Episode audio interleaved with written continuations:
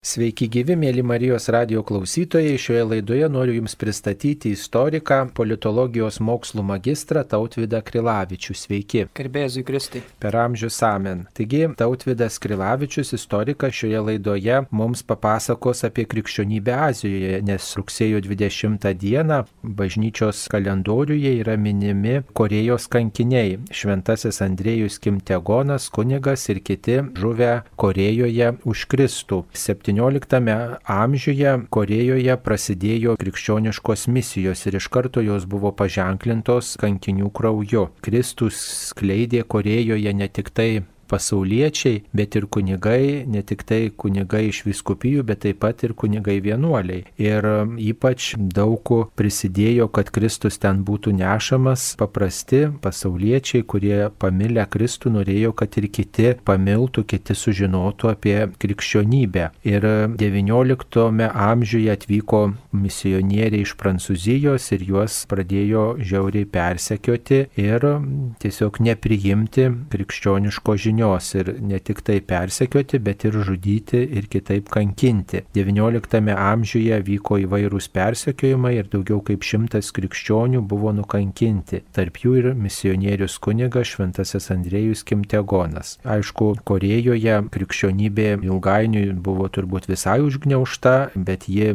išplito po kitus Azijos kraštus. Šią progą ir pasikalbėsime su Tautvidu Krilavičiumi, kuris domėjosi krikščionybė krikščionybę ne tik tai Korejoje, bet taip pat ir kitose Azijos kraštuose ir ypač Kinijoje. Taigi, ką galėtumėt pasakyti, mielas tautvidai, apie krikščionybės skleidimą Azijoje, kuri mums mažai pažįstama? Tai pirmiausia, norėčiau trumpai pristatyti Šventą Andriejų Kimtegoną, kuris gimė 1821 metais Tajagone, Korejoje. Andriejus Kim Tajagonas buvo pirmasis korejiečių kilmės kunigas Korejoje. Vaikystėje šeimoje auklėtas krikščioniškai, vėliau studijavo lotynų kalbą, o būdamas 20 metais bandė nelegaliai į šalį atvesti prancūzų misionierius. Tam nepasisekus, Andriejus tapo diakonu ir misionieriavo Korejoje, o vėliau Šanhajuje, kur tapo kunigu. 1845 metais Andriejus grįžo į gimtają Koreją, šį kartą sėkmingai šalį atsivesdamas misionierius, tačiau netrukus buvo suimtas, kankinamas ir nužudytas. Mirė 1846 rugsėjo 16 dieną Seule. 1984 metais Andriejus Kimtaegonas paskelbtas šventuoju, jo relikvijos saugomos Seule. Prieš mirtį šventasis Andriejus pasakė, tai paskutinė mano gyvenimo valanda. Atidžiai klausykitės manęs. Jei bendravau su užsieniečiais, tai buvo dėl mano religijos ir mano Dievo. Būtent dėl jo aš mirštu. Mano nemirtingas gyvenimas netrukus prasidės. Citatos pabaiga. Kad šventojo Andriejaus nors ir trumpas, tačiau nuoširdus tikėjimas ir atsidavimas Dievui tikrai prisidėjo prie gausaus krikščionių vaisių derliaus, nekyla abejonių. Štai prieš savo akis turiu lentelę, kurioje atvaizduota, kaip keitėsi bendras krikščionių procentas visoje Korejos žmonių populiacijoje. Štai kairėje lentelės pusėje 1900-ieji ir vienas procentas nuo visos Pietų Korejos populacijos krikščionių skaičiumi. O štai žiūrint į dešinę, stulpeliai auga ir 2010 metais turime 29 procentus nuo bendros Pietų Korejos populacijos. Taigi ženklus krikščionių padaugėjimas.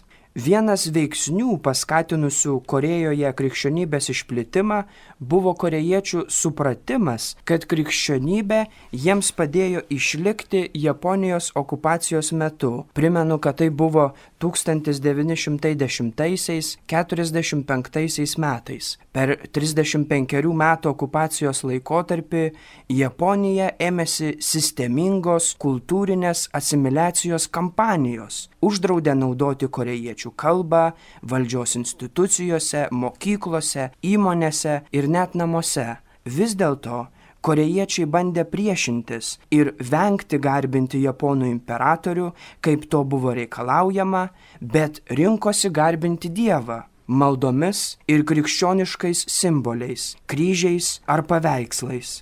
Taip pat buvo įkurtas katalikų judėjimas už nepriklausomybę. Taigi tikėjimas ir nacionalizmas kartu čia suveikė kaip tvirtovė, padėjusi išsaugoti savo kultūrinę tapatybę ir taip sustiprindama krikščionybę Korejoje. Ir vis dėlto ne tik nacionalizmas čia svarbiausias. Korejos nepriklausomybė ir Korejos karo laikotarpiai dar labiau padidino daugelio korejiečių katalikų atsidavimą mergeliai Marijai. Katalikai mane, jog švenčiausiai mergelė Marija, kuri yra Korejos globėja, padėjo korejiečiams kovoti su Japonijos imperializmu ir išlaisvinimo dienos data 1945 ir Pietų Korejos vyriausybės įsteigimo data 48 metais taip pat sutampa su Marijos ėmimo į dangų švente. Taigi čia ne tik nacionalizmas, bet kaip ir Lietuvoje, sako pas mus Marijos žemė, taip ir Korejoje mergelė Marija svarbi kuri buvo korejiečių vedle ir užtarėja sunkiose nelaimėse. Toliau labai norėčiau išskirti ekonomikos augimą. Pietų Korejos krikščionis mano, kad jų krikščionybė yra dramatiško šalies ekonominio augimo per pastaruosius 30 mečius veiksnys, manydami, kad jos sėkmė ir klėstėjimas rodo Dievo malonę. 2003 metais ekonomistų buvo atliktas tyrimas, kuris dar ir pagrindė šią poziciją, prieidamas prielaidos, kad visuomenės turinčios aukštą tikėjimo lygį ir aukštą bažnyčios lankomumo lygį pasižymi dideliu ekonomikos augimu. Taigi krikščionybė vaidino ir šiandien atlieka svarbų vaidmenį Pietų Korejos ekonominėje sėkmėje. Dar vienas įdomus aspektas - inkultūrizacija. Katalikybė Pietų Korejoje unikali tuo, kad ji buvo įtraukta į tradicinius Konfucijaus papročius, kurie yra neatskiriami tradicinės pasaulietinės Korejos kultūros dalis. Dėl to Pietų Korejos katalikai ir toliau praktikuoja protėvių apeigas ir laikosi daugybės konfucianistinių papročių bei filosofijų. Štai viena jų yra jesa Tai yra ceremonija, dažniausiai vykdoma Korejoje, Jėsos esmė atsiminti mirusius savo protėvius. Ir jėsa paprastai rengiamos protėvių mirties metinių minėjimo progomis. Taigi, kasgi ta jėsa? Šeima, norėdama atlikti protėvių ritualus, ruošia įvairių rūšių maistą. Pavyzdžiui, vyną, sriubą, jautieną, žuvį, įvairių rūšių vaisius ir ryžių piragą ar kitus tradicinius patiekalus. Tačiau svarbiausia, nepraleidžiami tie, kurie patiko mirusiems giminaičiams. Ir štai kaip mes sėdime čia prie stalo, taip ir ten, ant stalo pačiame centre, korejiečiai padeda atminimo lentą, simbolizuojančią protėvių buvimą. Tai šiek tiek primena mūsų kučias. Taigi štai kiek netikėtų malonių bendrumų tarp lietuvių ir korejiečių tautų. Tai krikščionybė universali. Ji nedekonstruoja papročių, o priešingai skatina tautas nepamiršti savo istorijos. Kalbant apie korejiečius šiais laikais, kaipgi nepaminėjus popiežiaus Pranciškaus vizito Pietų Korejoje.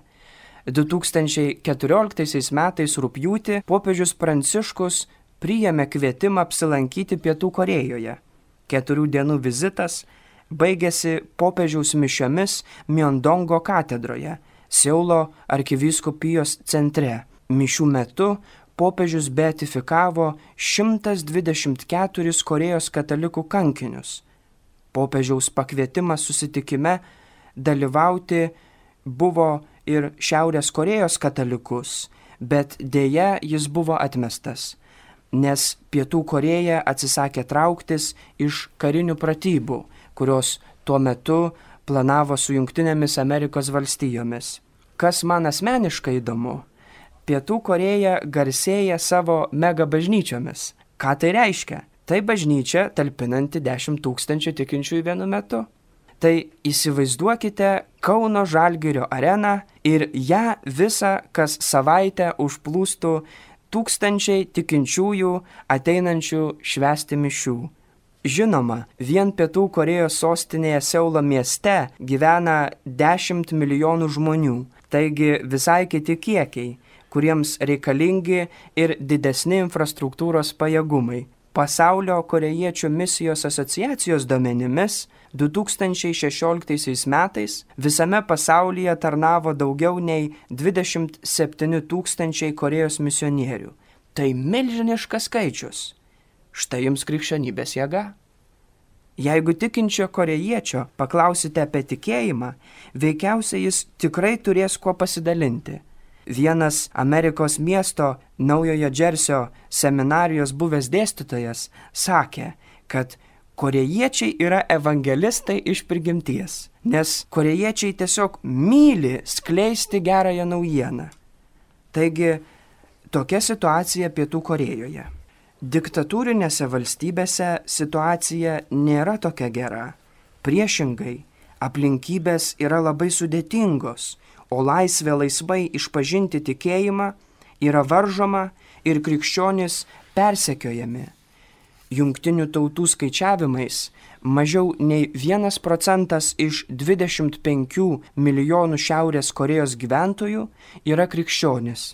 Šiaurės Korejos režimas krikščionybę laiko didžiausia grėsme tarp religijų, nes ji šį tikėjimą sieja su vakarais, ypač Amerika ir politinėmis potekstėmis. Režimas aktyviai bando surasti krikščionis, praktikuojančius savo tikėjimą slapta ir įkalina juos, dažnai kartu su savo šeimos nariais, net jei jie galbūt nėra religingi. Amerikos tarptautinės religijos laisvės komisija pažymi, kad dešimtis tūkstančių kalinių kuriems grėsia sunkus darbas ir egzekucija, yra krikščionis iš pogrindžio bažnyčių arba praktikuojančių slaptai. Krikščionis yra stipriai persekiojami ir ypač griežtai su jais elgiamasi Šiaurės Korejos kalėjimų stovyklose. Kaliniai kankinami ir žudomi dėl savo religinės priklausomybės arba už dalyvavimą krikščionių susirinkimuose,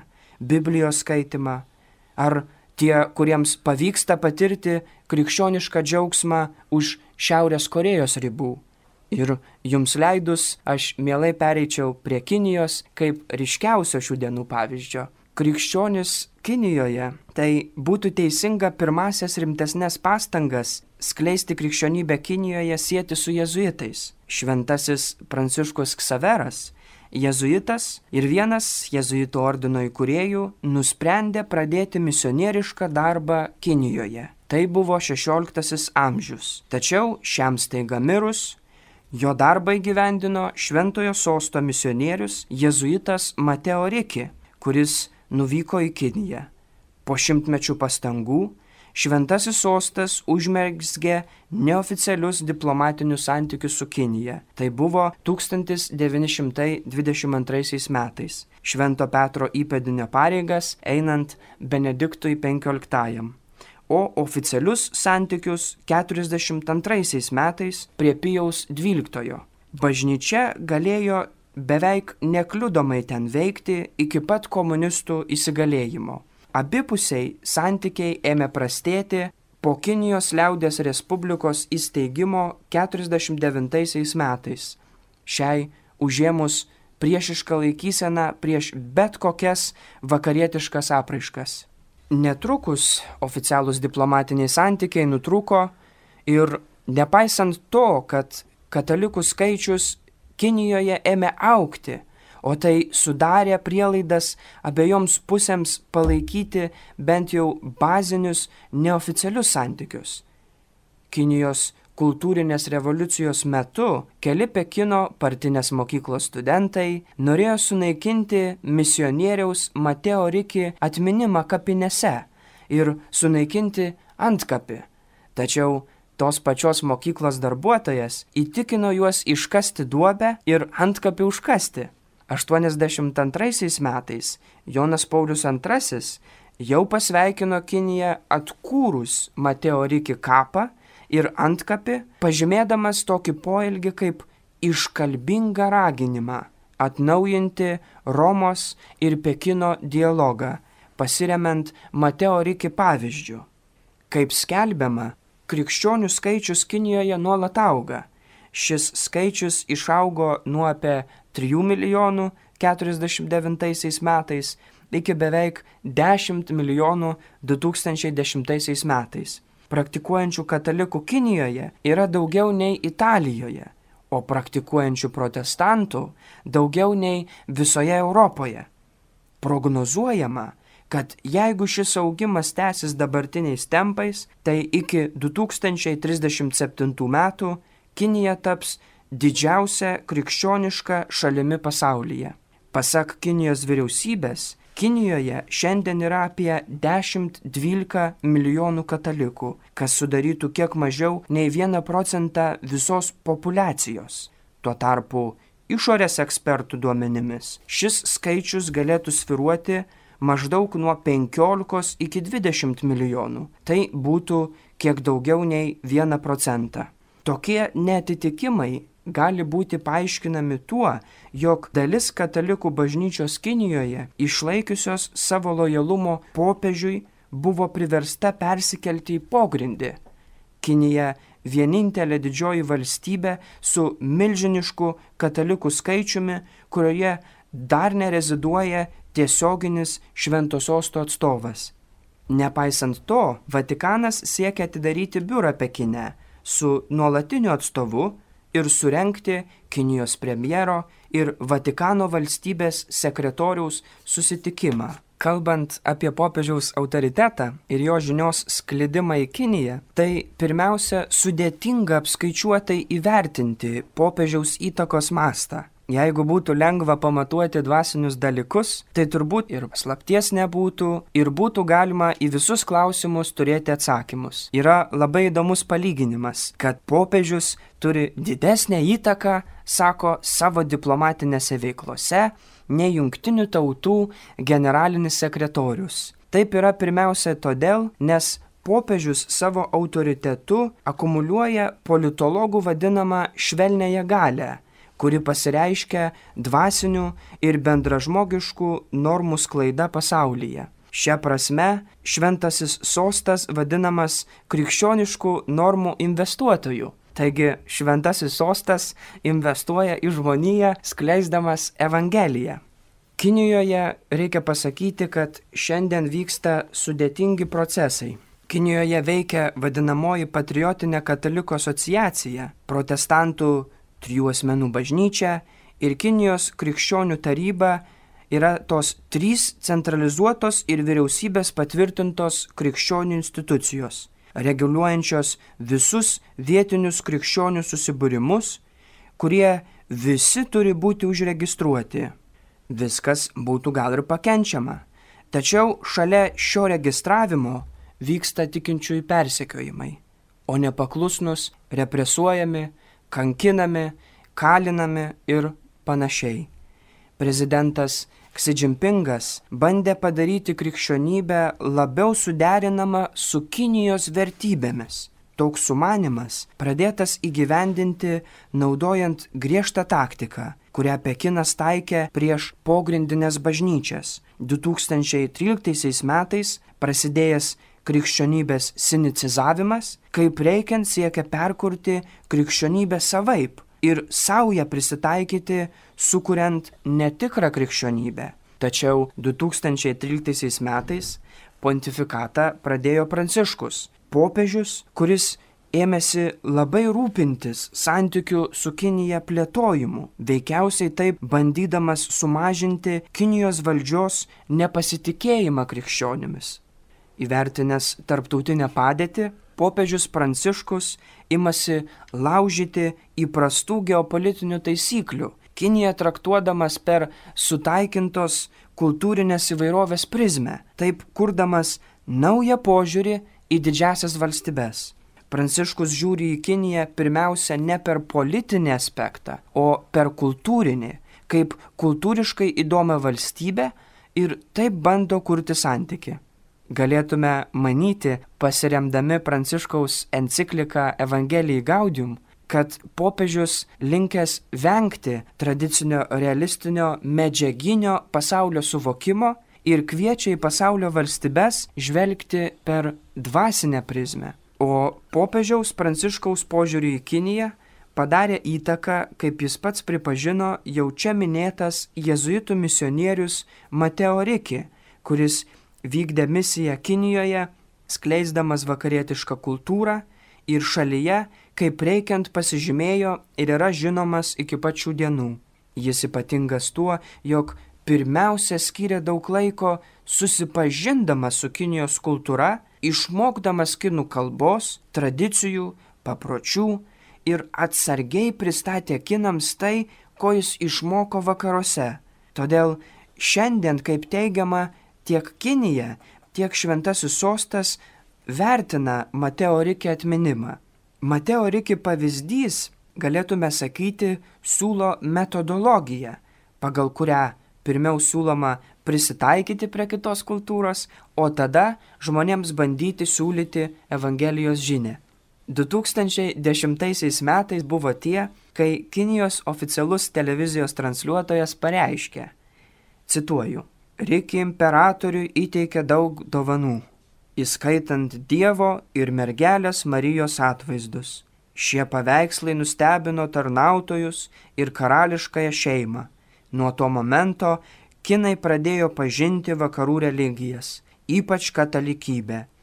Tai buvo ir meno mainų tarp Kinijos ir vakarų preliudija. Riki buvo pirmasis asmuo įgyjęs Kinijos žmonių pasitikėjimą ir įkvėpęs jų smalsumą vakarų pasauliu. Citatos pabaiga. Ši ištrauka iliustruoja Kinijos pagarbą Mateo Riki, kurį irgi prisimena popiežius Pranciškus. Šiuo atžvilgiu Mateo Riki tampa tas jungiamasis elementas, mesgant tarp valstybinį dialogą. Labai dar noriu pasakyti, kad popiežius kaip pasaulinė figūra savo pasisakymais ir kelionėmis pritraukia patį didžiausią žiniasklaidos dėmesį. Ir šiuo požiūriu niekas jam negali prilygti. Teigiama, kad rugsėjo 11-osios įvykiai Amerikoje nepritraukė tiek pasaulinės medijos dėmesio, kiek popiežiaus Jono Pauliaus antrojo laidotuvės.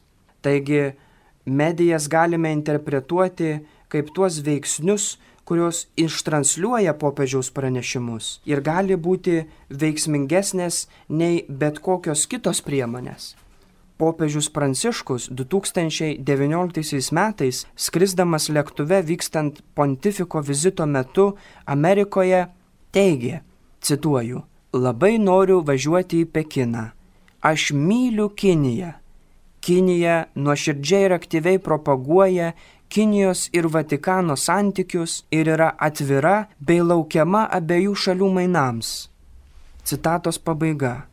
Taigi popiežius skleisdamas tokį diskursą labai stengiasi užmėgsti ryšį su Kinija ir jos tikinčiaisiais. Krikščionių daugėjimas kartu su kitais veiksniais, tokiais kaip Kinijos ekonomikos augimas, yra demokratijos katalizatoriai. Teiktume, kad popiežiaus religinė ir iš dalies politinė lyderystė kartu su Kinijos ekonominiu augimu per ilgą laikotarpį skatina valstybės demokratiją. Kinijos komunistų vyriausybė, nors ir oficialiai pripažįstanti katalikybę, dešimtmečius bandė kontroliuoti katalikų bažnyčią. Kinijos vyriausybė persekiojo tuos katalikus, kurie atsisakė paklūsti režimui. Valstybinė religinių reikalų administracija, sutrumpintai žinoma kaip SARA, reguliavo religinės praktikas Kinijoje nuo pat 1951 metų. 2018 metais ši administracija išformuota ir prijungta prie Jungtinio fronto darbo departamento, siekiant religinę kontrolę vykdyti labiau centralizuotai per komunistinę biurokratiją. Nepaisant griežto reguliavimo, 2001 metais Kinijai įstojus į pasaulio prekybos organizaciją, tai padarė įtaką jos religijos politikai, kurią ji turėjo sušvelninti. Tai atspindi bendradarbiavimo ir pasaulinio dialogo reikšmę, kad kalbantis galima pasiekti susitarimų. Vis daugėjant katalikų, 2006 metais štai Kinija atidarė didžiausią šalies kunigų seminariją Pekine. Tarptautinės organizacijos taip pat vaidina labai svarbu vaidmenį Švento sosto ir Kinijos santykiuose. Štai pavyzdžiui veikia Azijos katalikų žiniasklaidos sąjunga, kuri ištransliuoja popiežiaus kalbas, viešina Azijos katalikų gyvenimą ir dalinasi juo Amerikoje, Europoje ir kitose žemynuose. Taip pat veikiama Pasaulio katalikų komunikacijos asociacija, žinoma pavadinimu Signis. Organizacija yra vienybėje su popiežiumi ir atliepia jo raginimą komunikuoti tiesą. Hongkonge, turėdama garso įrašų studiją, organizacija įrašinėja Kinijos bažnytinės giesmes, kurios platinamos ne tik Kinijoje, bet ir užsienyje. Azijoje taip pat veikia Azijos viskupų konferencijų federacija. Federacijoje yra 19 nuolatinių narių ir 8 asocijuoti nariai iš Azijos valstybių. Joje Azijos kontinento viskupai dalinasi informacija ir formuluoja bendrą kontinentinę strategiją atliepiant Švento sosto programą. Analizuojant konkrečias parapijas Kinijoje, galima pastebėti reiškinį, kad Kinijos vadovybės reikalavimų paisoma tam, kad parapijoje būtų ramiau. Vietos valdžios atstovai tokiu atveju netaiko griežtų priemonių, nes tokiuose bažnyčiose mažesnė pasipriešinimo tikimybė. Toks abipusiai ir bažnyčiai ir Kinijai naudingas bendradarbiavimas pastebimas Džedzengo provincijos bažnyčiose, o kitur tikintieji sekami labiau. 2017 metais ataskaitoje Amerikoje gyvenantis žmogaus teisų stebėtojas yra pabrėžęs, kad Kinijoje padidintas interneto stebėjimo intensyvumas, sugriežtintos bausmes, palėtė vietinius aktyvistus ir religingus tikinčiuosius. 21 metų balandį Laisvosios Azijos radijas pranešė, kad Kinijos valdžia sulaiko krikščionis slaptose mobiliose patalpose ir kankina juos, kad šie atsisakytų savo tikėjimo. Skelbiama, kad daugybė bažnyčių skirtingose parapijose buvo apgadintos arba visai uždarytos. Kai kuriuose Kinijos dalise vaikams iki 18 metų neleidžiama lankyti bažnyčios. Tai dalies šalies pastangų stabdyti būsimą katalikų augimą. Taigi tai ženklai rodantis, kad negalima tik sėdėti ir laukti, reikia imtis veiksmų. Ir štai Pranciškus bando kalbėtis, stengiasi prieiti. Tačiau štai koks įdomus sutapimas. Kinijoje yra vienas toks mažas miestelis, kuriame gyvena apie 9 tūkstančiai žmonių. Ir pasak šaltinių, visi jie katalikai. Tas miestelis, žinomas Donglų pavadinimu, garsėja visame pasaulyje kaip piligrimystės vieta. Ji tapo žinoma dėl 1900 metais, pasak liudininkų, ten pasirodžiusios švenčiausios mergelės Marijos, žinomos kaip Kinijos Dievo motina. Taigi, ten apsireiškusi mergelė Marija traukia tikinčiuosius ir veda ir globoja kinų tautą. 95 metais, e, simboliška mano gimimo metais, įvyko Marijos apsireiškimas, kurį, kaip pranešama, liudija daugiau nei 30 tūkstančių piligrimų ir tai patvirtino vietinis kinų vyskupas. Šiame mieste vyksta procesijos, savita ir labai įdomi liturgija. Taigi štai koks įdomus panašumas - Pietų Koreja, Kinija, Lietuva, mergelės Marijos vedimas ir globa. Kalbant apie krikščionybės Kinijoje sklaidą, minėtinas ir užsienio vaidmuo. Bažnyčiai Kinijoje labiau bendraujant su platesniu katalikų pasauliu, vis daugiau kinų dvasininkų mokosi ir užsienio šalise. Taigi šie dvasininkai sugrįžę dirbti į Kiniją gali formuoti savitą diskursą katalikų bažnyčios Kinijoje atžvilgių. Vakaruose pasimokę kunigai įgauna polinkių kalbėti ar bent jau mąstyti apie žmogaus teisės, demokratiją, vertybės, teisingumą, krikščionišką gyvenimą artikuliuotą kitaip, nei tai daroma Kinijoje. Galiausiai užsieniečių perspektyvoje išriškėja lingvistinis ir tarptautinės migracijos aspektai. Įvairiose Kinijos viskupijose, Kinijos vyriausybės leidimu pamaldos vyksta ne tik kinų, bet ir anglų, vokiečių, prancūzų ir kitomis kalbomis. Tai yra dėl įvairia kalbių įvairaus amžiaus žmonių, atvykstančių ir trumpesniam arba ilgesniam laikui pasiliekančių Kinijoje, darbo, išsilavinimo, piligrimystės ar kitais tikslais.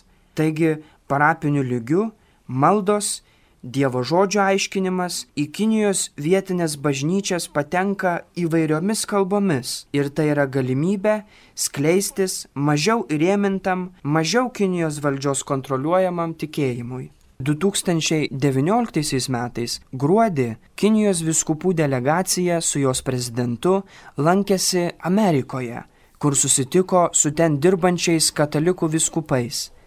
Kinijos viskupų konferencija oficialiais kelionės tikslais įvardijo būtent sieki pasisemti patirties, kaip administruojamas viskupijos Amerikoje, kaip vyksta seminaristų ugdymas, kaip pagerinti bažnyčios ir visuomenės santykius ir kaip administruojama Amerikos viskupų konferencija. Susitikimo metu taip pat pristatyti katalikų bažnyčios Kinijoje pasiekimai per pastaruosius 30 metų, o Amerikos bažnyčios atstovai pakviesti apsilankyti katalikų bažnyčioje Kinijoje.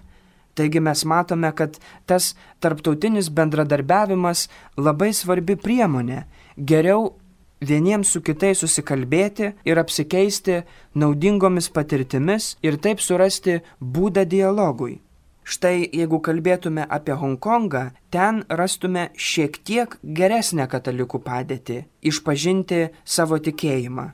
Skaičiuojama, kad oficialiai šiame pusiau autonominio statuso mieste, kuriame gyvena 7 milijonai žmonių, apie 400 tūkstančių žmonių yra katalikai. Taip pat priskaičiuojami apie 200 tūkstančių nevietinių, tačiau gyvenančių šiame regione. Hongkongo autonominė vyriausybė, esanti labiau prielanki žemyninės Kinijos valdžiai, jos nurodymų ir pasiremdama COVID-19 pandemiją kaip argumentu įvedė Hongkongo nacionalinio saugumo įstatymą.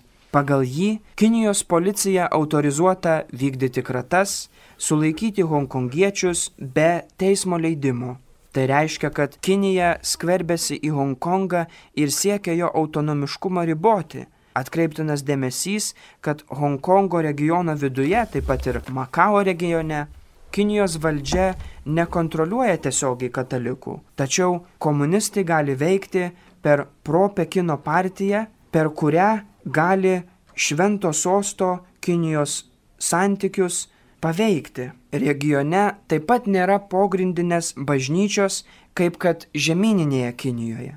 Turint galvoje tai, kad Hongkonge bažnyčia veikia iš esmės atvirai, Hongkongo tikinčiųjų bendruomenės kartais vyksta į žemyninę Kiniją pasidalinti tikėjimo patirtimi kitose miestuose. Ilgą laiką Kinijos patriotinė katalikų asociacija ir jai vykdant religinę veiklą be šventojo sosto ir savarankiškai skiriant vyskupus į viskupijas, be Romos kurijos sutikimo, kildavo pogrindinių viskupų ištikimų Vatikanui ir oficialių viskupų veiklų susikirtimai Kinijos parapijose. Pastoracinėme ligmenyje tai kėlė tikinčiųjų nesutarimą ir samišį. Daugybė vietinių Kinijos katalikų tiki, kad vyskupo teisė valdyti kyla iš dviejų dėmenų. Pirma, šventojo sosto delegavimo ir antra, šventimų, kunigystės sakramento. Taigi šiam samišiui išspręsti panašu, kad 30 metų vyko nuseklios pastangos pasiekti susitarimą. 2018 metais rugsėjį Šventojo sosto sutarties su Kinija pasirašymo metu šalyje buvo apie šimtas atvirai žinomų viskupų. Iš jų 70 viskupų, kuriuos pripažino tiek Kinijos katalikų patriotinė asociacija, tiek Šventasis sostas. Taip pat apie 30 viskupų buvo pripažinti tik šventojo sosto ir iš pastarųjų septyni viskupai buvo pripažinti tik minėtos asociacijos. Kadangi žinoma virš šimta Kinijoje įsteigtų viskupijų, tai reiškia, kad kai kurios viskupijos ir tikintieji neturėjo savo vyskupo. Pats susitarimas 2018 metais pasirašytas dviem metams su galimybė sėkmingai vykstant deryboms vėl jį pratesti. 20 metais susitarimas atnaujintas dar dviems metams.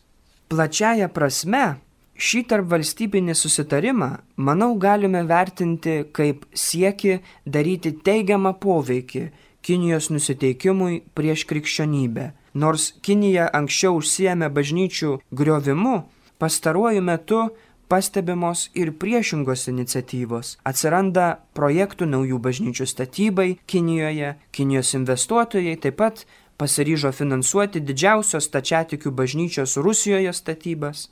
2018 metais skelbta, kad vienas pagrindinių Vatikano tikslų yra suvienyti katalikus Kinijoje sureguliuojant vyskupų skirimus ir užtikrinant popiežiaus pritarimą. Kiti svarbus tikslai yra skatinti Kinijos vyriausybę nutraukti katalikų persekiojimą ir kaip galime spėti, tuo pačiu tikėtis gausesnių kino atsivertimų į krikščionybę. Užbaigdamas, norėčiau pasakyti, kad remiantis dar popiežiaus Benedikto XVI laikais svarstytų šventojo sosto nunciatūros perkelimu iš Taipėjaus į Pekiną, galima prognozuoti, kad ateityje tikėtinas ir visiškas švento sosto ir Kinijos diplomatinių santykių atkūrimas.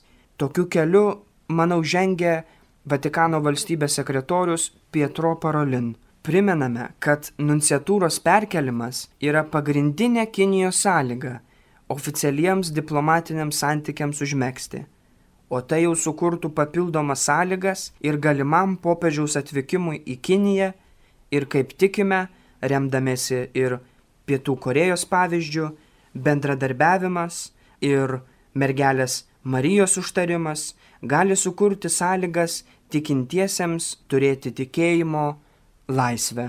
Tai ačiū gerbiami Marijos radio klausytojai ir ačiū gerbiamam kunigui Sauliui už pakvietimą ir galimybę pasidalinti apie krikščionybę Kinijoje, Pietų ir Šiaurės Korejose. Mėly Marijos radio klausytojai, šioje laidoje apie Korejos krikščionybę ir krikščionybę Azijoje kalbėjo Tautvidas Krilavičius, istorikas ir politologijos mokslų magistras. Tegul Kristus būna skleidžiamas įvairiuose kraštuose ir priimamas įvairiausių žmonių. Ačiū sudie. Ačiū ir sudie.